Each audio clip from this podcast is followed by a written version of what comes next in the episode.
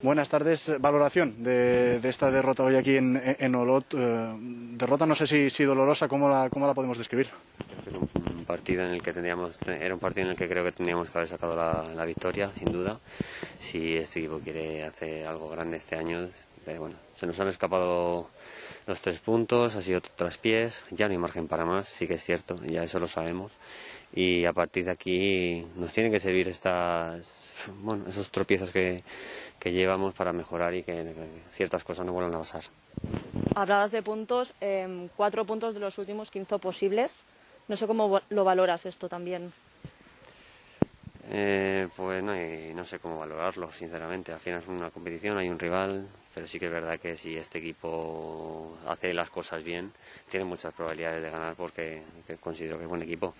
De, de ahí a lo que nos está pasando, pues bueno, es simplemente aprender, mejorar y que los pequeños detalles y fallos que haya dentro del partido, pues que no pasen y al fin y al cabo ganaremos los partidos. Se tiene que hacer a ver, un, cambio de chip individual, ¿eh? cada, cada jugador eh, en, su casa, dentro del, del vestuario, un cambio de chip ahora ya urgente.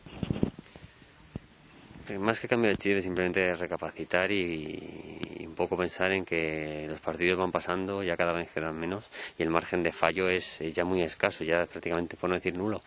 Así que yo creo que es asumir esa responsabilidad de, del que, y pensar que queremos hacer algo, como te digo, algo importante y, tener esa personalidad de dar un paso al frente y decir aquí no va a pasar más nada y los, los puntos van a ser todos para nosotros. Este cambio de chip puede llegar, por ejemplo, el miércoles en el partido de Copa del Rey. ¿Podría ser un buen escenario para dar un golpe encima de la mesa? Todos los partidos son un buen escenario y sea cual sea la competición, este equipo está capacitado para ganar. Yo creo que lo tiene que demostrar. Simplemente falta demostrarlo un partido más, sea cual sea, y, a partir de ahí ya bueno, coger esa, esa dinámica y esas circunstancias que nos hagan creer verdaderamente que, que este equipo tiene, tiene muchas posibilidades.